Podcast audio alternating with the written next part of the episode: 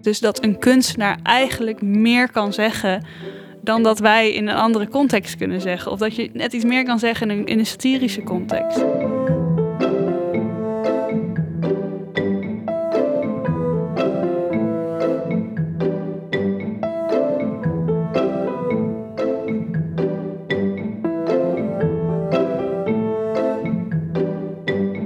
Welkom bij de podcast Theater heeft geen zin, maar ik wel. Ik ben Leonie Koelman. Ik ben theatermaker en bestuurskundige. Ik ben Jascha Dikker, filosoof, jurist en theaterliefhebber. In deze podcast gaan we op zoek naar het antwoord op de vraag: Wat is de waarde van theater voor de maatschappij? Welkom bij deze nieuwe aflevering van de podcast. Ja, ehm, het wordt een beetje een, eh, een ander soort opname dan, eh, dan normaal. Want We hebben een, eh, een soort special voor vandaag ingericht, namelijk met als onderwerp theater en het recht. Ehm, nee, we zijn steeds op zoek naar wat de waarde van theater is. En ook in de juridische wereld worden er af en toe dingen over gezegd die wij dachten dat misschien interessant is zijn om met jullie te delen. Om het daar met ons over te hebben, hebben we vandaag een gast uitgenodigd. Yes, Rachel Bauer. Welkom, dankjewel dat je er bent. ja, Zou je Nou, bedankt eh, voor het eh, uitnodigen. Ja. Zou je jezelf kort willen voorstellen? Ik ben Rachel. Ik eh, ben 28, woon in Amsterdam-Noord. Lekker lopend gekomen naar de studio. Ik eh, werk als jurist op een groot advocatenkantoor. Ik heb ook rechten gestudeerd in Utrecht. Maar daarnaast doe ik ook nog eh, allemaal andere dingen. Zo ben ik lid geweest van het ITA Junior Board. Dat is een, nou, een orgaan bij het bestuur en de raad van toezicht van ITA. Die bestaat uit allemaal jonge, jonge mensen in de meer de zakelijke wereld om het eh, te adviseren. En Yes. daarnaast hou ik van yoga en van allerlei andere dingen. Ben een heel persoon. Maar ik zit Ja. hier meer voor de combinatie van recht en theater. Ja. Ja. Yes. Ja.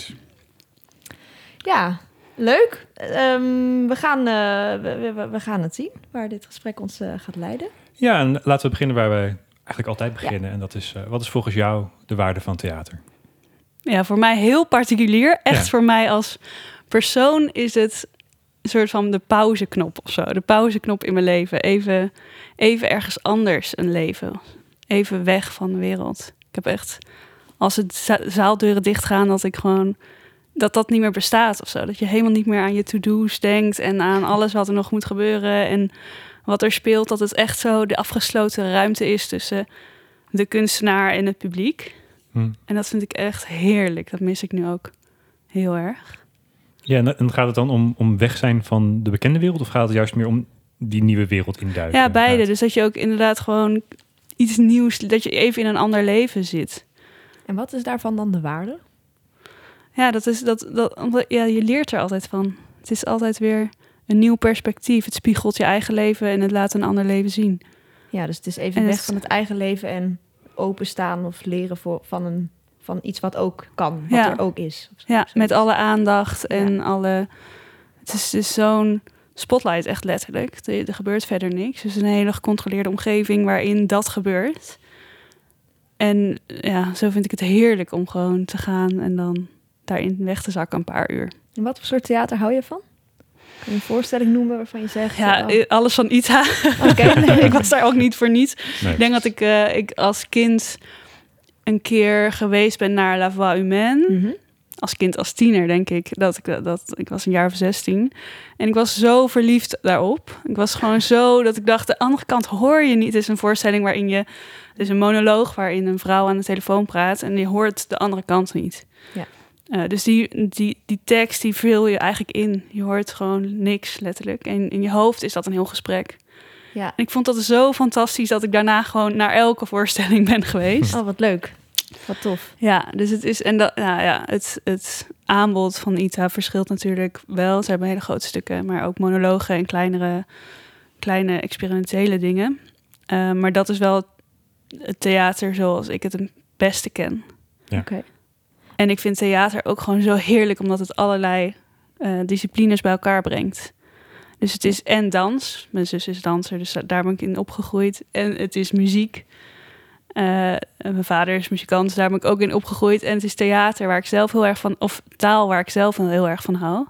Dus het combineert al die disciplines. Dat vind ik heerlijk. En wat is daar dan ehm, Het, ja, wa- wat is daar dan de onderscheidende waarde van? Dat het die disciplines combineert? Ja, het is een kracht. Het, het versterkt elkaar. Het, heeft allemaal, het speelt allemaal weer op andere snaren of zo in, in mijn lijf. dus muziek doet iets anders met me Ja. dan taal alleen. Of, Dus het, het, re- het resoneert ergens in je lichaam, ja, het waardoor het iets in gang zet. Of, ja, en het ehm, versterkt elkaar heel erg daarin.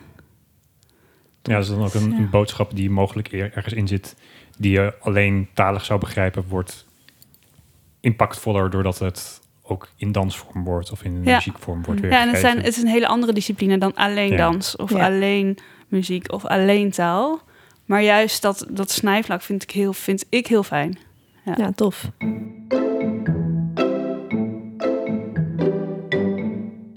In de juridische wereld heb je verschillende invalshoeken waarin je kan kijken naar wat de waarde is van theater. Ehm, Ja. Als we kijken naar ehm, nou, meer de beleidskant, of hoe, er, hoe een, een rechtsstaat inzet op zijn culturele sector, heb je daar allerlei invalshoeken op. Maar we hebben ook meer de fundamentele kant. Als je kijkt naar mensenrechten of wat is het recht van mensen om hun culturele kant te ontwikkelen of culturele expressie te tonen en daar een onderdeel van te zijn. En je hebt En- een hele praktische kant.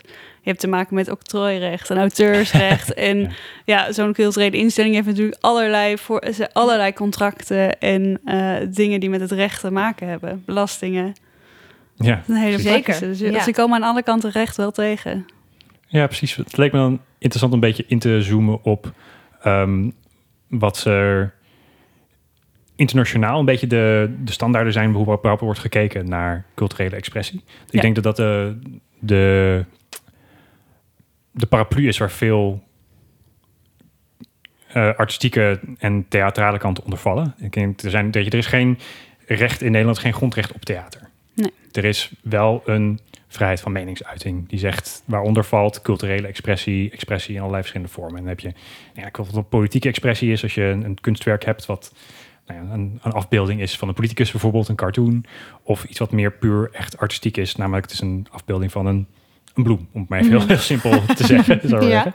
En daar gaan we natuurlijk op andere manieren mee, mee om. Ehm, want als het over de vrijheid van, van meningsuiting gaat, die, ehm, die hebben altijd heel hoog in het vaandel. We hebben het merk het ook in deze tijden waarin er nou ja, protesten zijn tegen de overheid, tegen overheidsbeleid. En dan merk je dat mensen zeggen, ja, maar ik moet mijn mening kunnen uiten. En tegelijkertijd merk je dat bijvoorbeeld een specifieke demonstratie dan eens verboden wordt. Dus dan zie je, oh, maar het is geen absoluut recht.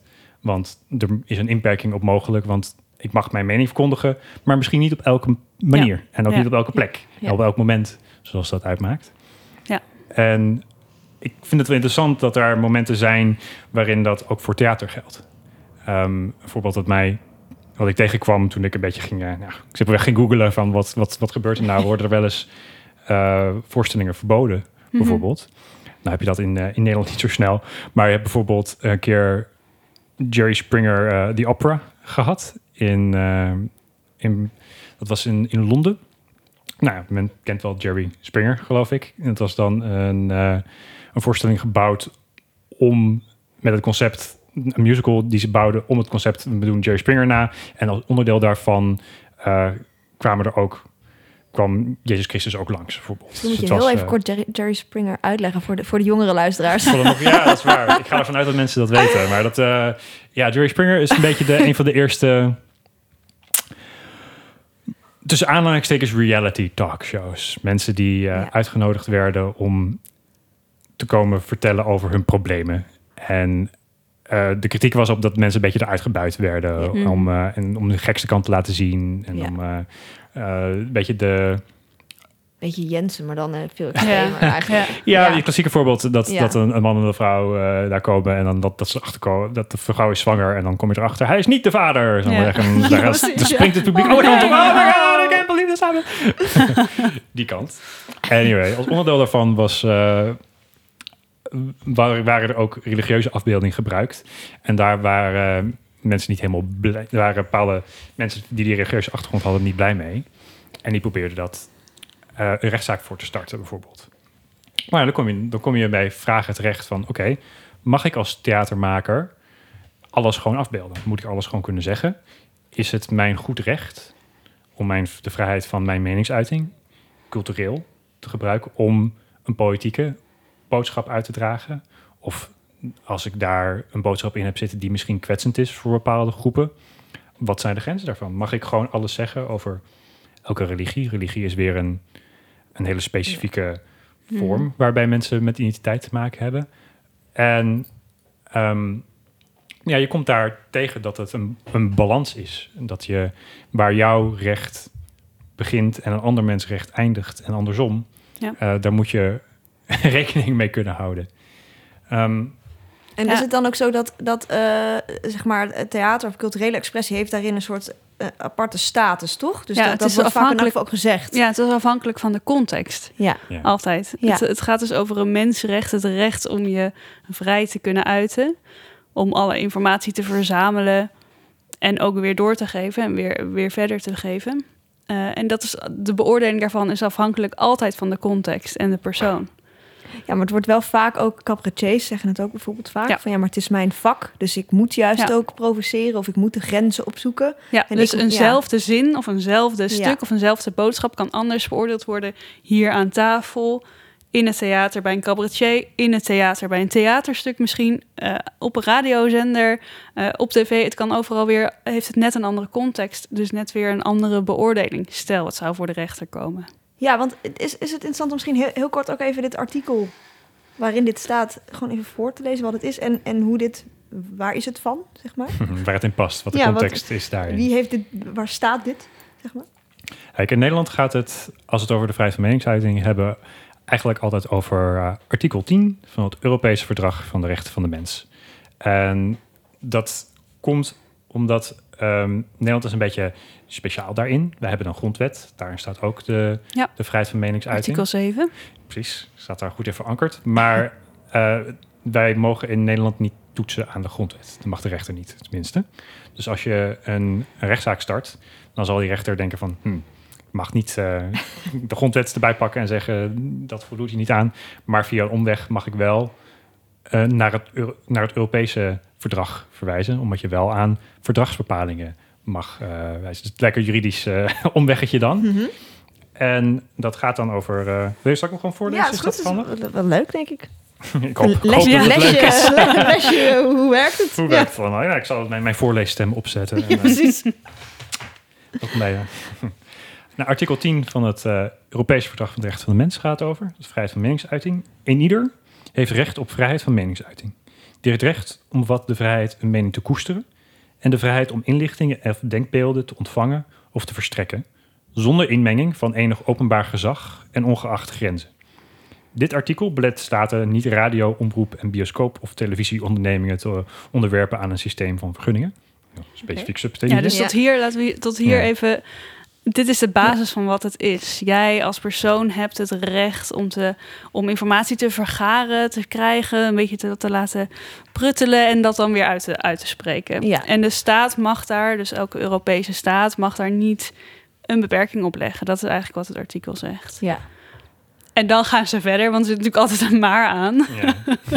En eerst zeggen ze dan iets kort van... ja, maar je mag wel regeltjes maken over vergunningen en zo. Dat mag natuurlijk wel. ja. Dat gaat bijvoorbeeld over televisie. Ah ja. Eh, en dan komt altijd een lid 2. Misschien moeten we die ook nog even voorlezen. Ja, ga ik weer even door. Daar de uitoefening van deze vrijheden plichten en verantwoordelijkheden met zich meebrengt, altijd belangrijk, kan zij worden onderworpen aan bepaalde formaliteiten, voorwaarden, beperkingen of sancties die bij wet zijn voorzien en die in een democratische samenleving noodzakelijk, dus proportioneel en subsidiair, zijn in het belang van de nationale veiligheid, territoriale integriteit of openbare veiligheid, het voorkomen van wanordelijkheden en strafbare feiten, de bescherming van de gezondheid of de goede zeden, de bescherming van de goede naam of de rechten van anderen, om de verspreiding van vertrouwelijke mededelingen te voorkomen of om het gezag en de onpartijdigheid van de rechterlijke macht te waarborgen. Zo. En helemaal vol. Ja, dus daar zeg je... Dus in lid 1 zeggen ze... nou, iedereen heeft het recht om zich vrij te uiten. Vrij, vrijheid van meningsuiting. En in lid 2 komt dan een heel arsenaal aan... nou, eisen Ja. waar je aan moet voldoen... om dat recht te beperken als staat. Ja, dus dat is eigenlijk ook weer om, om het specifieker te kunnen beschermen. Eigenlijk. ja om nog meer de burger Ja. te kunnen beschermen tegen zo'n beperking. Ja. Ja. Het is echt be- bedoeld ook om ons, letterlijk ons, te kunnen beschermen Ja. tegen de overheid. En dan, en dan is er daarnaast ook nog een, een artikel 19. de universele verklaring van de rechten van de mens. Hoe verhou, wat is dat en hoe verhoudt zich dat hiertoe? Ja, dan zeg ik, er zijn een aantal van dit soort uh, vrijheid van meningsuitingsartikelen. En die hebben een verschillende plaats in de internationale mensenrechtenorde. Hier in Europa, hier in Nederland, moeten we het voornamelijk van het, het EVRM Mhm. hebben. Omdat dat ook gewoon de belangrijkste is waar je als je uh, naar een rechter wil, naartoe kunt stappen. Ja, dus een Nederlandse, hebben. Ja, een Nederlandse rechter toetst aan dat Europese artikel wat jullie net hebben voorgelezen. Eh, Even een beetje gesimpliceerd, maar Hmm. ja. ja. Ja, en dat, dat gebeurt ook. Die toets gebeurt ook naar. Er is ook een Europese rechter. Dus daar Ja. kan je ook naartoe om Ja, dat artikel te toetsen. En de Nederlandse rechter moet dus kijken wat, wat heeft de Europese rechter hier in dit verband gezegd. eh, om, dat, om goed dat artikel te toetsen op deze situatie in Nederland. Als je daar niet mee eens bent, kan je steeds een stapje hoger. En kan je uiteindelijk ook naar die Europese rechter. Ja. Maar dat is wel leidend in heel Europa Ja. voor de uitleg van alleen dit artikel. Ja. Dus inderdaad, je komt er niet met dit artikel alleen, maar met alle rechtspraak daaromheen. ja, en allerlei verschillende verdragen die weer iets zeggen wat daarmee verband houdt. Ja. En jurisprudentie, et cetera. Ja. Ja, kijk, en het nut van een Europese rechter daarover hebben. Kijk, waarom, heb, waarom hebben we het over een Europese rechter? Waarom kan Nederland niet, dat niet alleen? is natuurlijk omdat dit, dit soort vraagstukken zijn mm, wereldwijd Mhm. ten eerste. Maar vooral ook als, als Europa is het belangrijk dat je een beetje hetzelfde mag verwachten van elkaar. En ook naar elkaar toe eh, beweegt in die rechtspraak. Dus dat je niet A mag zeggen in land B en Ja. niet A in, land, in een ander land. Want nou ja, dan er mag, er mag wel verschil tussen zitten, maar we moeten wel dezelfde richting op bewegen. En telt het voor iedereen die lid is van de Europese Unie of voor iedereen die onderdeel is van Europa? Nou, dat is weer, eh, gaan we maken het weer lekker ingewikkelder, Ja? maar ja, het zijn weer andere eh, verdrag, verdragen. Ah ja, ja De- precies. Oké. Op zich is de EU ook lid hiervan, maar het Ah, is ja. breder dan dat. Rusland is bijvoorbeeld ook eh, lid Ah. bij het Europese verdrag. Wordt ook met enige regelmaat berispt daar, eh, om, om Hmm. problemen die daarvoor inkomen. Eh, maar dat is een verschil Oké. En Groot-Brittannië die is dus niet eh, hier. Die is eh, pleiten. die is wel pleiten? Ik weet het niet. bij de EU, maar nog Maar- wel lid bij Nog wel het lid hiervan. EVRM. Ah, ja. ja. omdat het weer een andere rechter is. Groot-Brittannië heeft altijd problemen. ingewikkeld. Zo ingewikkeld. Ja. Ja. Groot-Brittannië heeft altijd problemen met de Europese rechter. Maar dat is dan weer de Europese Unie-rechter. En dit is dan weer een Oh. andere rechter. Die weer een Zo. andere... Ja, en het, is- dus Hof het heet het de- Europees verdrag, maar is weer niet het Europese Unie-verdrag. Dus er zitten Nou ja. verschillen in. ja, ik begin te begrijpen waarom er advocaatkantoren nodig zijn. Ja, en waarom hele studies aan ja, gewijd. precies. Ja. Er is vraagt eerst geld te verdienen aan het uitleggen van al dit Ja, gedoe precies. inderdaad. Maar de gedachte is dus heel mooi, namelijk alle burgers van Europa worden beschermd in de uiting van de mening. ja. En de lidstaten mogen niet daarin beperken. Tenzij ze aan de eisen voldoen, dan mag het wel. Ja. Is het, is het misschien leuk om, om iets van een, een casus of zo te behandelen? Eh, want het, het, ja, dus als, als theatermaker of, of instelling mag je dus bepaalde dingen zeggen Ja. Eh, of, of uiten. Nou, wat goed is om te zeggen, denk ik dat in Nederland maken we niet mee dat er dus iets in het theater of in een theatervoorstelling wordt gezegd wat niet kan en wat dan bij de Europese rechter komt. Dat is Dat- nog dat- niet gebeurd. Of zeg, zeg je dat zou ook überhaupt niet kunnen? Dat, hebben dat is niet gebeurd en dat is. Ja, die lat ligt gewoon heel hoog. Omdat het altijd afhankelijk is van de context. Ja. Maar het zou toch kunnen dat iemand, iemand, dat iemand een gezelschap aanklaagt? Of kan Dat kan. niet, denk ik? Ja. Dat kan. Ja, maar dat is in Nederland is- nog niet, ja, nog niet dat aan is de nog orde. niet aan de orde. Nee. En in andere landen zijn wel dergelijke... Ik heb daar geen voorbeelden van eh, gezien. Van theater niet, maar Nee. misschien van andere culturele... Wel van andere kunstuitingen. ui- ja, precies, de kunstuitingen. Beter woord. Ja, precies. Kijk, kijk, het, het juridische termen praten altijd een beetje in, eh, in bredere termen. Het gaat Ja. ook meer over culturele expressie dan alleen over theater Ja. specifiek. Ja. Ik denk dat dat ook, dat ook de, de leidraad is voor dit, eh, voor dit gesprek. We kijken naar wanneer culturele expressie wordt eh, ingeperkt of wat de waarde is die daaraan gegeven wordt in, in uitspraken. En je ziet, als je kijkt naar de, weet je, de lijnen die het Hof over de jaren heen uitstelt, dan maken ze verschil in soorten expressie. Je hebt eh, politieke uitingen, Mhm. die, vindt ze, nou, die zijn super belangrijk, die dragen mee aan de vorming van democratieën en van samenlevingen, die, die moeten heel vergaand beschermd worden. Eh, net daaronder heb je culturele expressie, is ook heel belangrijk voor ehm, hoe een democratie zich vormt en om nieuwe en creatieve ideeën mee te brengen en in een samenleving te plaatsen, maar ook in een andere context te plaatsen. Eh, dus is ook vergaand beschermd. En dan heb je daaronder nog commerciële uitingen. Gewoon jezelf willen verkopen of meer reclameachtige dingen die nou, wat minder belangrijk zijn, Ja. nog steeds beschermd. Want we hebben het altijd over dat eh, bescherming van je mening is de, eh, is de uitgangspositie en inperking daarvan is de uitzondering. Mhm. Maar iets commercieel is gewoon minder snel beschermd, want minder belangrijk voor een samenleving, minder belangrijk voor een democratie. Ja.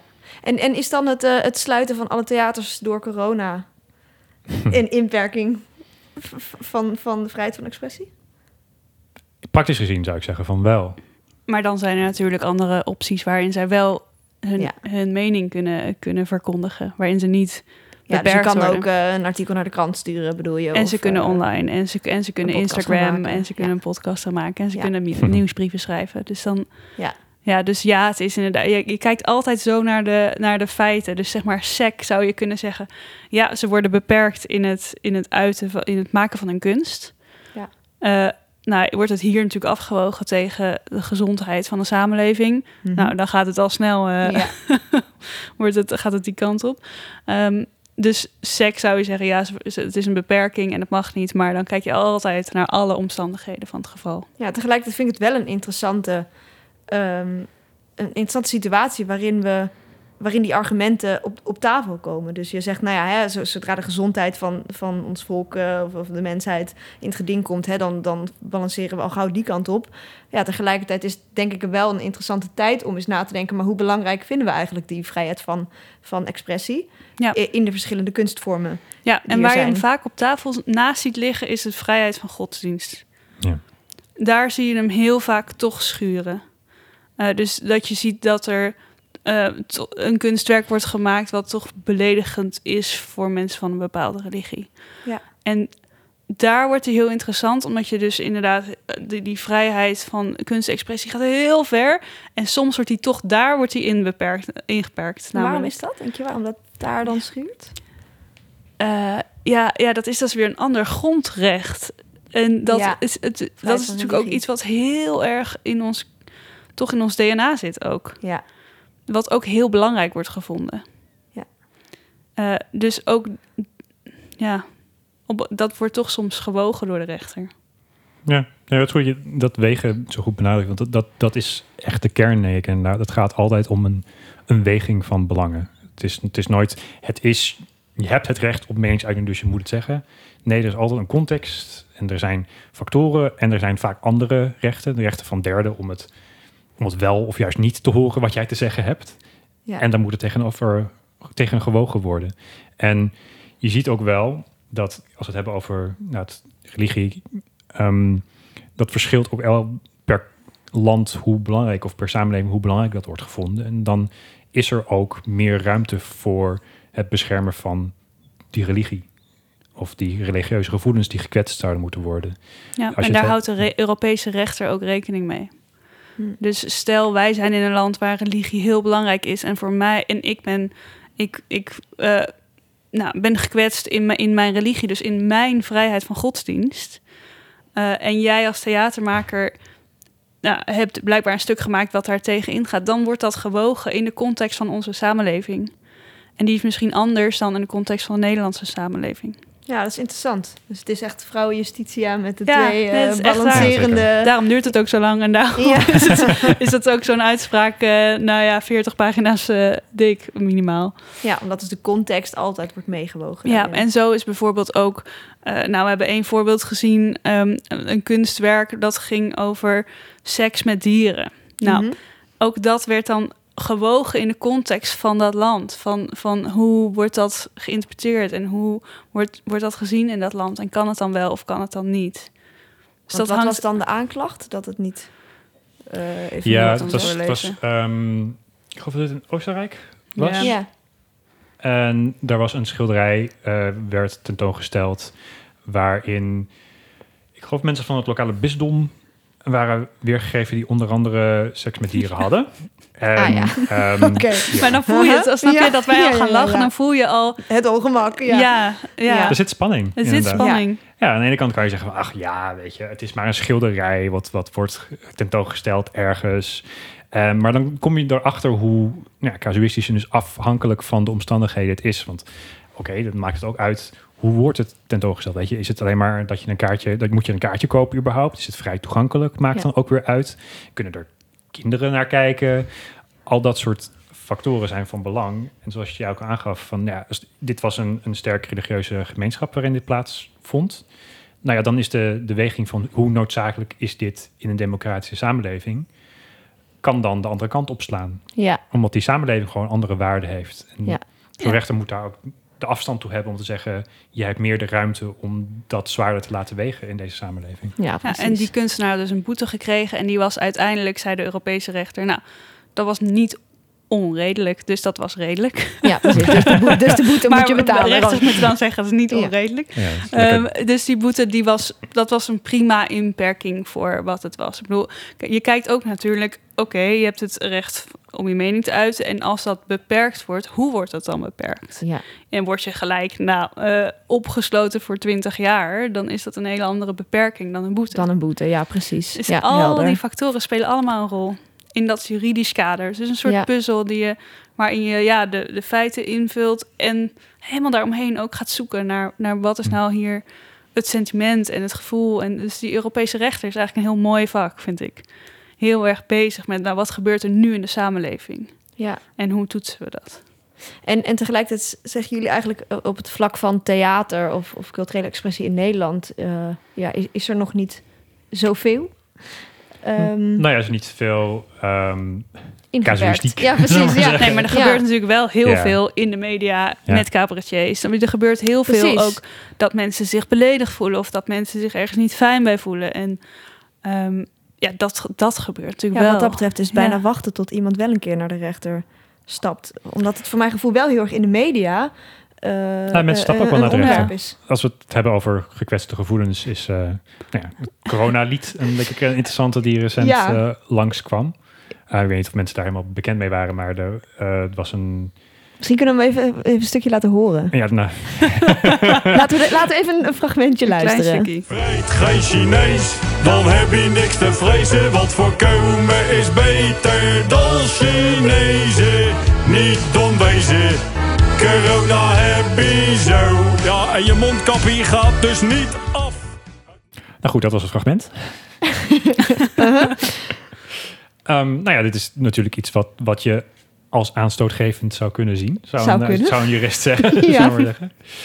En ehm, nou, ja, het, het OM heeft niet zelf besloten tot strafvolging over te gaan. En daar is een artikel 12 procedure bij het Hof gestart, zoals dat dan heet. Dan, dat is een procedure waarin je eh, kan zeggen... nee, eh, ik vind, ben het niet eens met het OM. Hof geeft het OM de opdracht om alsnog vervolging in te zetten.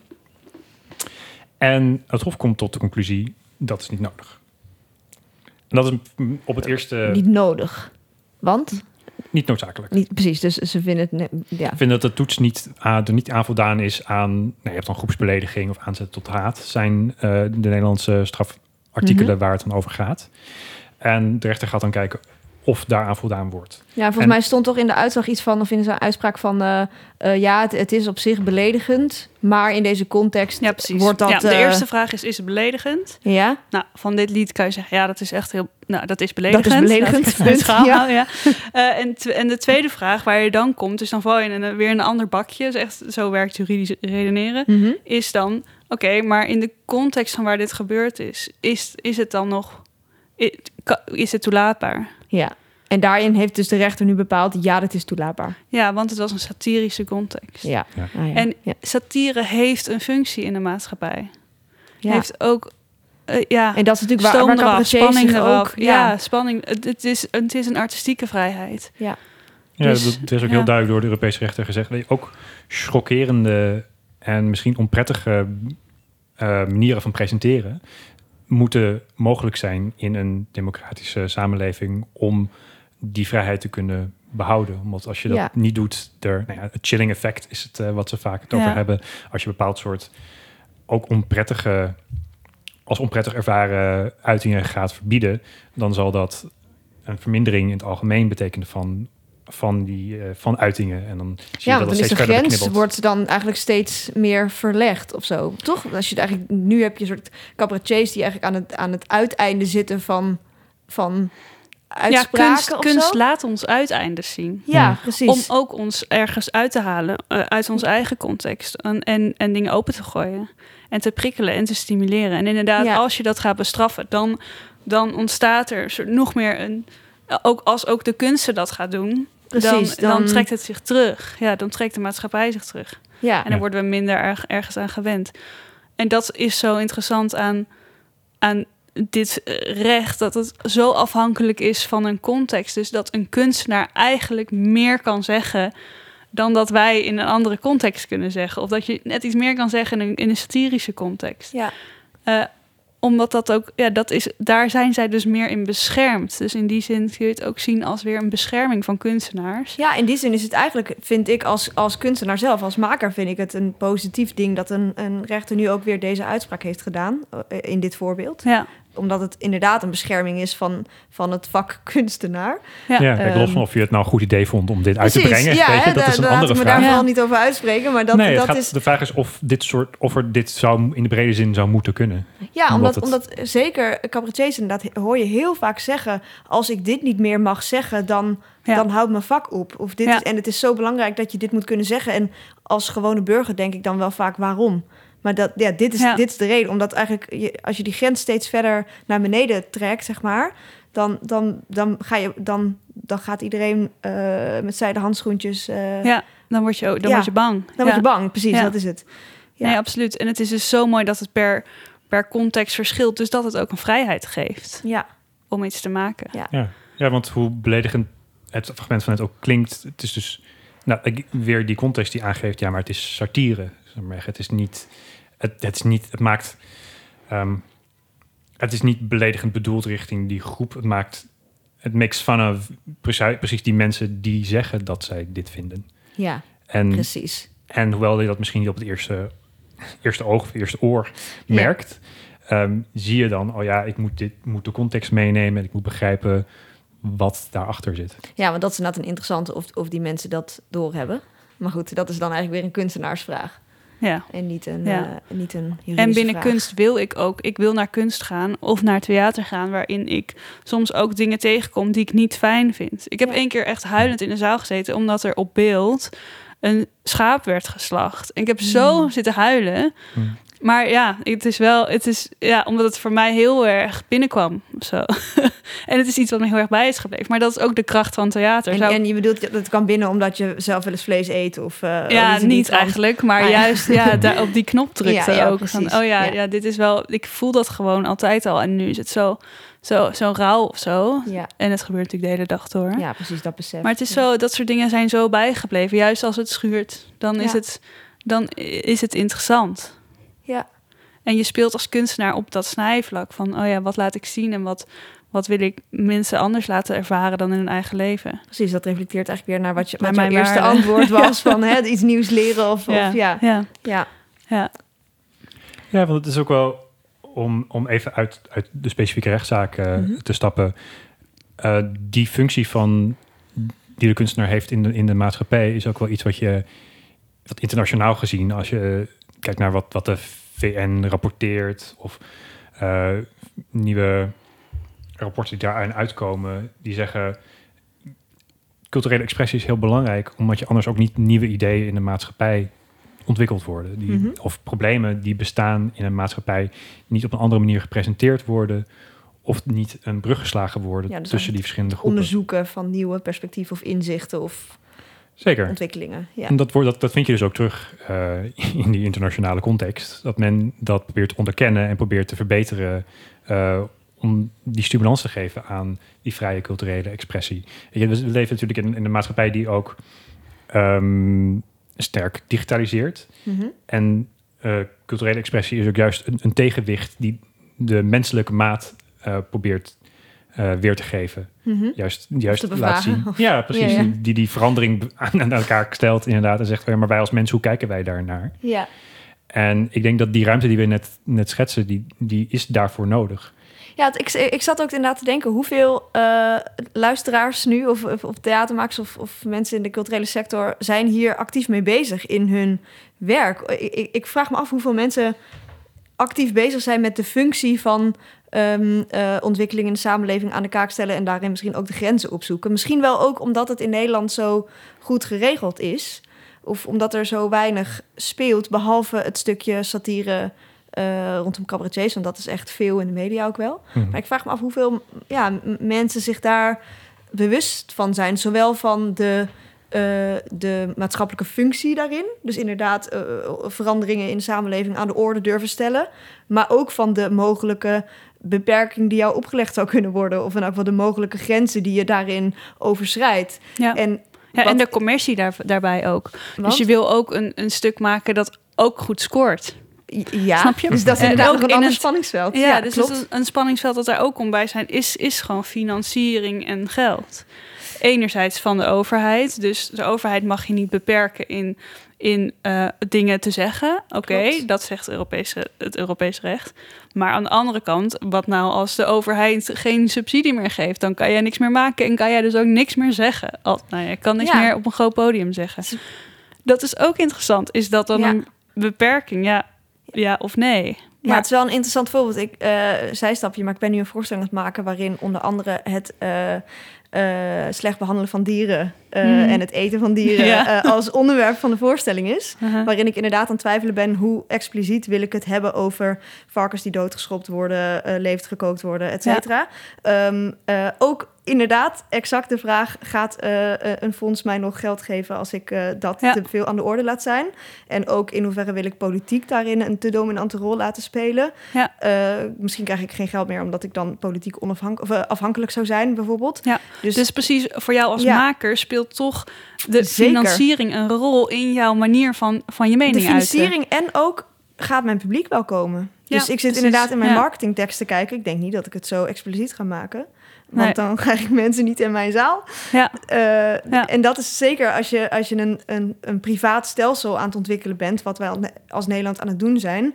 Um, uh, waarin je afhankelijk bent van kaartverkoop. Dus je Mhm. wil mensen eigenlijk naar je zaal sleuren in plaats van dat mensen zelf naar theater willen. Uh, ja, dan moet je inderdaad dingen maken die enigszins leuk zijn Exact, en niet ja. al te oncomfortabel. Ja. Want daar, dan komen mensen niet. En om dit nog even rond te breien naar het corporate sponsorship, ook als eh, sponsor wil jij niet in een zaal zitten met Ja. je klant waarin het eh, te expliciet en te Ja. erg in je gezicht. Althans, dat kan je willen. Dus ik denk dat, dat je dat zou moeten willen, maar puntje bij paaltje als daar partners zitten met, met hun ja, cliënt. Dat snap ik. Die willen gewoon lekker, lekker eh, naar theater. En fijn als daar een, een discussiepunt in zit, maar niet iets wat te veel binnenkomt of te veel Ja, over gaat mij gaat. over hoe, hoe oncomfortabel mag Ja. het zijn. Dus er mag best iets Ja. van schuring zitten of aan het denken zetten. Ja. Of raken of ergens iets in je lijf laten resoneren. Maar het mag niet te, te, te oncomfortabel zijn. Nee, want dan, want dan, ja, dan schiet je jezelf weer in je voet. Precies, dan kom je niet, dan betaal je niet. Ja, dat dus is eigenlijk zou je moeten zeggen: de overheid moet voor jou als maker een, een omgeving creëren waarin jij kunt maken wat je wil. Of daar nou 20 mensen bij komen of 20.000 Precies. mensen. Maar dat jij in ieder geval zegt en maakt wat je wil. Maar ja, Dat, is, ja dat, dat, zou je, dat, is, dat is de hele gedachte achter het stelsel. Precies. En, en dan zeggen inderdaad mensen die weinig naar theater gaan... maar waarom zou ik daarvoor moeten betalen als belastingbetaler? Ja, dan zou dit het antwoord kunnen zijn... omdat die oncomfortabelheid anders nooit meer ergens Ja. wordt opgezocht. Precies. Ja. En nu zie je dus ook de andere kant. Dus hoe minder gefinancierd wordt door de, door de overheid, hoe minder ruimte daar is voor makers. Dus, dus letterlijk deze financiering vanuit de overheid, dan wel eh, eh, bedrijven, ehm, is echt eh, noodzakelijk om een soort eh, expressie, vrijheid van expressie of meningsuiting in de culturele sector te kunnen garanderen.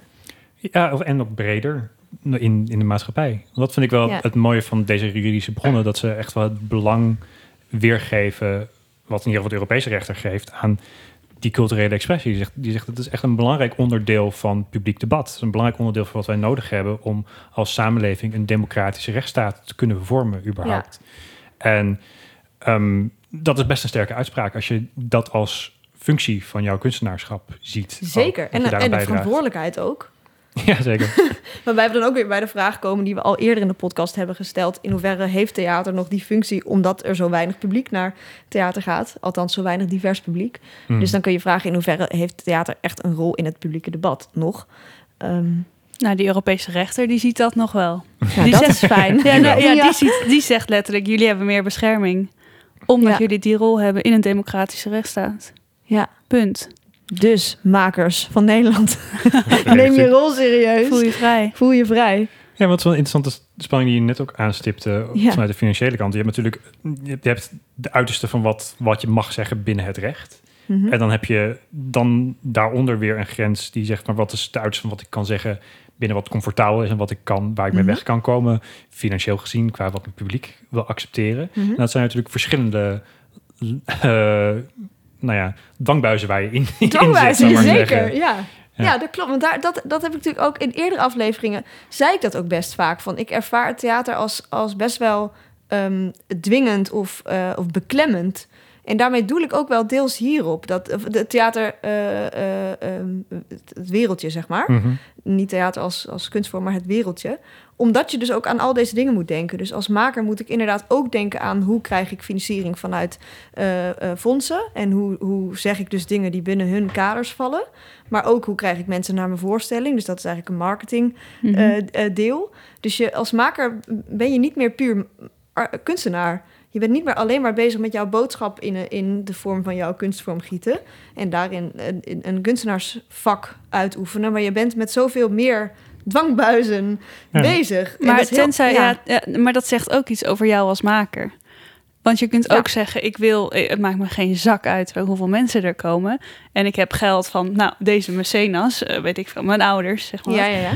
Eh, de- dus het zegt ook, zeg maar, de, de kaders die jij voelt als maker, zeggen ook weer wat over, over jou. Van waar zet jij jouw grens en waar zit jouw ambitie? Ja, en, en- waar zit en jouw in mijn- doel? Mijn ambitie om niet alleen zeg maar drie vrienden en mijn ouders in mijn zaal te hebben zitten. Omdat Ja. ik graag wil dat andere mensen ook mijn, mijn boodschap en mijn Ja. kunst kunnen zien. Dus daar Ja. zit ook inderdaad de ambitie dat jouw werk niet alleen door je eigen gezien wordt gezien. Ja, ja. Ja, ja. En tegelijkertijd speelt hier ook wel het ding van... ja, alle goede dingen moeten ergens in een kleine zaal beginnen. Weet je, alle talent Klopt. moet daar kunnen groeien. En nou, dat begint bij kunsteducatie gewoon op basisscholen... zodat het voor iedereen toegankelijk is. En die Ja. mensen die kunnen uitgroeien tot naschoolse eh, opleiding... en, en, en vooropleiding en echt opleiding. Dus het, het geeft zoveel meer aspecten dan alleen maar het maken van de voorstelling... maar gewoon meer broedplaats kunnen zijn in Zeker. Nederland. En dat ook want talent. Je Ja. zei net even je ouders. Maar dat is natuurlijk ja, afhankelijk van of mijn ouders dat zouden kunnen, Ja. kunnen of willen. Ja. Maar je, ja, je hoopt dat, dat kunstenaars, eh, dat er ook kunstenaars mogen zijn wiens ouders dat niet zouden kunnen. Ja, en idealiter betalen. is dat dus de, de, overheid, De overheid. die de waarde van, van een vrije meningsuiting en de artistieke waarde inziet. En hoe zouden we dat, wat moeten ze dan inzien? Als we dat nu in één of twee zinnen moeten formuleren, wat is dat dan? Oh ja, daar zeg je me wat. Ik denk dat ehm, het belangrijk... Ik denk wat hier wel uit naar voren komt... is dat kunstenaars een, een, wezenlijke rol hebben... in het bijdragen aan het bestaande publieke debat... en het vormen van het toekomstige publieke debat... wat je nodig hebt voor een democratische samenleving. Ja. ik denk dat er enerzijds input is. Dus het, het theater is een plek waar je de huidige samenleving uitvergroot en test. En, en aan de andere kant uit, output, dat je ook de mening van het publiek weer misschien verandert. Of Hm. Ja. eh, een discussie aan de gang brengt. ja, dus het is echt een actieve actor in het publieke debat. En Ja. dat moet beschermd worden door de overheid in de vorm van financiering, zodat je niet afhankelijk bent van eh, externe eh, financieringsbronnen die jou kunnen inperken daarin, of externe andere factoren die je kunnen inperken. Maar wat hier wel Ja. gevaarlijk aan is, vind ik altijd, ja, wat is de waarde van theater? Ja, we moeten gewoon kunst hebben, weet je wel. Ongeacht Nou ja. welke goede, of welke Ja. goede, ja, dat het culturele eh, sector brengt heel veel economische waarde. Nou ja, het interesseert me niet. Er moet gewoon goede kunst gemaakt worden. Maar ik, daar, ik denk dat, dat daarom het interessant is. En ik vind het ook interessant dat, dat we het, als we het scherp proberen te formuleren, we daar ook niet helemaal uitkomen. Want volgens mij zijn we het in Nederland ook heel vanzelfsprekend gaan vinden. Zo vanzelfsprekend dat we het niet meer kunnen benoemen. Ja, Nee, ik denk dat een onderdeel hiervan is, kijk, je zegt van wat moet de overheid doen? Die moet, die moet dat, moet dat. Eh, Kijk, de vraag is heel erg, wat moet een overheid? Want het is een, het is een heel een keuze van een overheid Dat eh, is voor een het algemeen. vraag. Nee, maar dat, dat komt het veel op terug. Want kijk, wat is er afdwingbaar bij de rechter is iets anders dan van wat, we- Ja. van wat zou een overheid moeten doen uit meer normatief moreel eh, opzicht. Ja, ik denk dat, dat, dat ehm, er wel een beweging gaande is ehm, van meer belang hechten aan culturele expressie. Je ziet het veel meer in internationale instrumenten al terugkomen. Rapporten die ik eerder ook al noemde. Ehm, kijk, onze klassieke beeld van hoe we naar mensenrechten keken... Waar, was altijd van, oh, dat zijn negatieve verplichtingen. Je moet vooral niet inmengen. Je moet vooral niet Ja. mensen lastigvallen. En dat is veel meer aan het veranderen naar een positieve verplichting. Je moet iets bevorderen. Je moet eh, vrijheid van meningsuiting, een publiek debat moet je bevorderen. Dat, dat, dat groeit veel verder. Vanuit het juridisch, eh, het systemisch perspectief. Ja, echt dat een, dat een overheid de opdracht krijgt van een Europese rechter die zegt: u moet eh, het publiek, u moet niet alleen mensen niet inmengen, u moet een positieve omgeving creëren voor publiek debat. Op de, we zijn op het punt in ieder geval dat dat voor journalisten geldt. Die hebben Ja. een hele belangrijke functie in een democratische samenleving voor informatieuitwisseling en alles wat erbij hoort. Ja, Kijk, of er, of er een verplichting voor een overheid is om ook artiesten eenzelfde eh, positief klimaat te geven, dat, daar zijn we in die ontwikkeling niet. Maar je ziet wel die kant op bewegen ook wel. Ja, en vooral bij andere rechtsstelsels. Dus Ja, Mhm. kijk, in Nederland is natuurlijk alles redelijk goed geregeld op dit punt. Ja, er zijn heel veel bezuinigingen geweest de afgelopen jaren, maar vanuit het Relatief. stelsel eigenlijk ja, is het... in Europa doen we het goed. ja, Ehm, dus je zou juist in, denk ik, eh, in rechtsstelsels waarin dit niet zo erg beschermd is, zou je daar ook ja, dit eerder tegenkomen, denk ik. Dat, dat er wel, nou, er is, stel er is geen financiering voor cultu- cultuur, behalve staats, staatsculturele ondernemingen. Da- dan zou er een Europese rechter kunnen zijn die zegt: Oh ja, er is dus ook een positieve, positieve verplichting dat je moet, je, je moet die mensen een podium bieden. Of je ja moet dus een positieve verplichting betekent... je moet eigenlijk een werkomstandigheid creëren Een waarin actief- het mogelijk is. Ja, dus, in plaats dus van- de overheid Ja. moet eh, zorgen voor een setting waarin het mogelijk is. Dus Ja. dat is een positieve verplichting. Ja, en Ja. in principe voldoet Nederland daaraan, want Ja, we hebben een, systeem en we hebben verschillende potjes en fondsen ja. en plannen en, en dat soort dingen. Tenzij er op een gegeven moment een punt komt dat de overheid zegt, nou, nu hebben we helemaal geen geld, nu knippen we alles door. Ja, precies. Want, want jij zegt eigenlijk, het, het, eh, ehm, er is een kanteling richting steeds meer die- de, de, de positieve verplichting. Terwijl als je kijkt naar het politieke klimaat, hebben we juist nu, wat mij betreft, een, een trend van een, een politieke opvatting over wat de rol van de overheid is, waarin de rol van de overheid steeds kleiner wordt. Dus een, een opvatting waarin inderdaad wordt gezegd... kunstenaars moeten naar alternatieve financieringsmogelijkheden gaan kijken. De overheid is daarin niet de primaire eh, eh, bron bijvoorbeeld. Dus eigenlijk een, een, een, een Ja. liberaler eh, beeld van wat de Passieve overheid, overheid. moet zijn. Ja, exact. Dus dat is grappig dat dat eigenlijk twee verschillende tendensen zijn. Nee, dat klopt. Ik denk dat je dat hem goed omschrijft. Dankjewel. Leuke samenvatting. Ehm, ik zou het leuk vinden om dat, eh, dat voorbeeld van, eh, van die re- recensent nog even te bespreken. Oh ja, Gewoon even als leuk. de zure recensent. De zure resistent. ja. Nou, go ahead. ja, zal ik hem... eh, ja. is goed. Ja, dit was een, het is een grappig voorbeeld van eh, hoe in Nederland theater, vrijheid van meningsuiting en het recht toch in het klein in botsing kunnen komen. Het, is, het stond in het eh parool niet zo lang geleden. Ehm, er was een, een recensent die had... Een recensent van het parool ook. Ja, ja, Leuk voor de detail. Oh, echt? Oh, dat, dat ja. Oh, wat grappig. Die heeft namelijk de, de Nationale Opera en Ballet voor de rechter gesleept. Omdat hij geen vrijkaartjes meer kreeg en niet meer voor de nazit werd eh, uitgenodigd. En dat vond hij een eh, beknotting van zijn vrijheid van meningsuiting. Hij vond dat als, eh, als journalist dat hij recht had op, op vrijkaartjes en recht op toegang tot die nazit. Nou ja, dan kan je zeggen van... Oké, hè, wat kinderachtig van de opera dat ze hem geen te vrijkaartje niet geven. En, maar ook weer wat kinderachtig van eh, de recensent dat hij nou per se dat vrijkaartje wil hebben. Ehm, maar het laat ook weer zien hoe contextgebonden. Ja, want het is is. natuurlijk wel interessant. En het is aan allebei de kanten kinderachtig, maar aan allebei de kanten ook wel interessant. Dat als jij denkt, nou, deze recensent die schrijft zure dingen over mij, dat, dan Ja, krijg je gewoon geen kaartje meer. En als jij als zure recensent eh, geen kaartje meer krijgt, dat je dan te zuur bent om je eigen kaartje te kopen, om alsnog iets te schrijven over de voorstelling. Eh, dus het is wel, het is heel interessant dat dat dan wel voor de rechter komt en dat een rechter daar dan wel echt serieus even naar moet kijken. Ja, twee keer zelfs. Want hij is, hij heeft niet alleen bij de rechtbank, maar Ja, ook nog naar het hof, naar het eh, hof gestapt. Hij wist zeker dat hij, eh, dat hij zijn kaarten zou moeten krijgen. Ja, en wat zegt de rechtbank en het hof? Die zegt dan, ja, maar jij kan gewoon nog naar die voorstelling. Dus jij wordt niet beperkt in jouw recht. Ja, je bent niet eruit gezet, alleen je moet een kaartje kopen. Ja. Dus, dus het is niet helemaal ja, en, beperkt. en hij zei ook inderdaad, nou, ik krijg niet die speciale persbijeenkomst, mag ik niet meer naartoe. Maar zei de rechter ook, nou, maar dat lijkt me niet van zodanig belang dat jij dan geen recensie kunt schrijven over de voorstelling. Dus Ja, nou, ja, het is heel interessant. Nou, ja, ik vind, ja, ik vind het wel een leuk voorbeeld dat het toch het theaterveld binnen, binnen Binnen- zijpelt. Binnen Ja. het recht aan Ja. alle kanten. Je komt Ja, er niet eh, omheen. Nee, inderdaad. Oké. Zullen we afsluiten met dezelfde vraag als waarmee we begonnen? Yes. Wat is volgens jou de waarde van theater na dit gesprek? Oh ja, nou, het is wel, ik ben wel extra bewust nu inderdaad weer van alle van, van echte waarde van theater. Maar het is, het theater is voor mij alles uiten wat je wil en alles proberen en, en alles zeggen en, en schuren vooral. De randjes opzoeken. De randjes opzoeken. Oké. Dankjewel. Dankjewel. Dank jullie wel. Graag gedaan.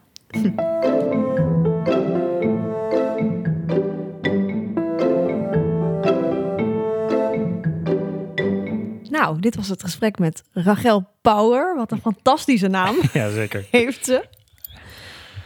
Wat vond je ervan, zo als eh, nou ja, de niet-juridische persoon hier aan tafel in dit gesprek?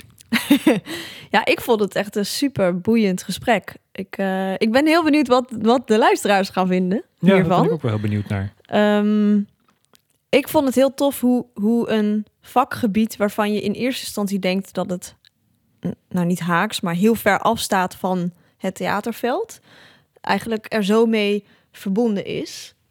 En dat we, ehm, ja, dat we, dat we de ruimte gaven om, om die verbondenheid uit te diepen. Ehm, Ja, ik denk dat kijk, het juridische staat natuurlijk voor de meeste mensen heel ver van zich af. En tegelijkertijd, weet je, het is hoe wij onze samenleving ordenen. Dus je loopt tegen de grenzen altijd aan. En ik vond het, toen ik eh, een beetje onderzoek ging doen over dit specifieke onderwerp, toen we het helemaal bedacht hadden, eigenlijk heel mooi om te vinden dat er antwoorden te vinden waren op onze hoofdvraag: wat is de waarde van theater? In iets wat zo abstract of afstandelijk kan zijn als het recht soms is. ja, En ik raakte ook wel echt weer geactiveerd door eh, nou ja, die, die hoofdlijnen die je daarin vindt. Dat, dat een rechter zegt, ja, maar het is belangrijk. Eh, er is zoiets als een publiek debat wat gevoed wordt. En culturele expressie is belangrijk voor de mens om zichzelf te ontplooien. Om eh, een, een maatschappij verder te doen ontwikkelen. En dat moeten we ruimte bieden en bescherming bieden. Het is niet heel vaak dat je kunst zo duidelijk en met rechtskracht erachter verdedigd ziet worden. Nee, en ik moet ook zeggen dat ik me als maker echt een, bijna een beetje aangesproken voelde. Dat ik denk van ja, dit, dit zijn we eigenlijk een beetje vergeten in Nederland. Het, dat je, dat, het, alsof je die, dat we ook die verantwoordelijkheid hebben. Dus we, we zijn gena- geneigd om vooral ook vanuit wat, wat vind ik zelf of wat wil ik, ja, vanuit jezelf te, te Mhm. maken. Eh, ofwel een, wat wil ik zeggen, of een verbinding met je publiek, maar, maar weinig de. Ik heb een verantwoordelijkheid om, om het publieke debat te voeden en om daarin echt kritisch te zijn en om eh, tendensen in de huidige samenleving, dus echt in deze tijd waarin we nu zijn, om die te bevragen en te reflecteren en om echt dat debat gaande te houden. Dat je daarin als kunstenaar echt een eh, verantwoordelijkheid hebt. Eigenlijk wat Gary in onze eerste aflevering heel erg benoemde en ook toen Ja. erkende, ja, dit is een kracht wat theater zou kunnen zijn, maar eigenlijk zelden is. Eh, ja, dat, dat gevoel kreeg ik heel erg uit, deze, Ja, dat, dit gesprek. precies. Dat de kunst heeft een rol die, bes, die het beschermen waard is. Ja, Alleen al vanuit het recht. En dus ook dingen als die pluriformiteit. Gary gebruikte eh, kan- kanten naar elkaar toeschreven, zou ik maar ja, zeggen. ja, ja. Ja, dat dat een vorm is die niet onderschat moet worden. Nee, en misschien ook omdat, nou ja, wat Rachel ook aangaf, het is in Nederland eigenlijk heel goed geregeld. Ja. En daarom eh, voelen we die urgentie misschien niet meer. Hè? Waar, waar waar Shakespeare niks mocht maken over de huidige tijd en dus maar stukken ging maken over koningen in een compleet andere eeuw en een ander land, waarin hij eigenlijk naar de boodschap de bracht. Het gaat over nu. Eh, eh, dus daar, daar was heel erg bij uitstek die urgentie. Dat, dat hebben we niet. Wij kunnen alles maken over, eh, over Rutte van nu. Of, of wat we ook willen zeggen. Ehm, maar tegelijkertijd is nog steeds die, die verantwoordelijkheid is er wel. Anders zou het recht ons niet daartoe de bescherming bieden en de mogelijkheid. Ik denk dat je dat heel mooi zegt. Ja. Dank je. Ehm, ja, dat. Ja, nou, we zijn ook benieuwd hoe jullie als luisteraars deze aflevering vonden. Dit was voor ons een beetje een andere dan anders. Dus laat het vooral weten als je hier een mening over hebt of over mee wil denken of denkt van hier heb ik niks van begrepen of juist wel. Wij zijn benieuwd naar je mening. Ja, want omdat we denken, misschien is dit leuk ook om, om nog eens vaker te doen. Zo iemand van een heel ander vakgebied uit te nodigen. En het is misschien ook leuk om, eh, om jullie reacties te horen. Dus als je denkt, hoe moet ik dan reageren? Nou, je kan of ons heel veilig een privéberichtje sturen via Instagram of Facebook. Ehm, mag er ook onder in de reacties, bijvoorbeeld. Ehm, ja, dat. Het is vrijheid van meningsuiting. Je kan op Ja, elke vorm inderdaad. doen, doe Je mag ook een voorstelling maken waarin je je, je mening eh, vormgeeft. vormgeeft. Precies. Nee, maar dat zouden we leuk vinden. Dus eh, let ons nou.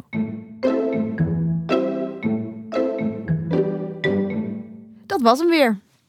Als je ons verder wil volgen op onze zoektocht, abonneer je dan op deze podcast. We vinden het leuk als je een recensie achterlaat. En je kunt ons ook volgen op social media. Bedankt voor het luisteren en hopelijk tot de volgende aflevering.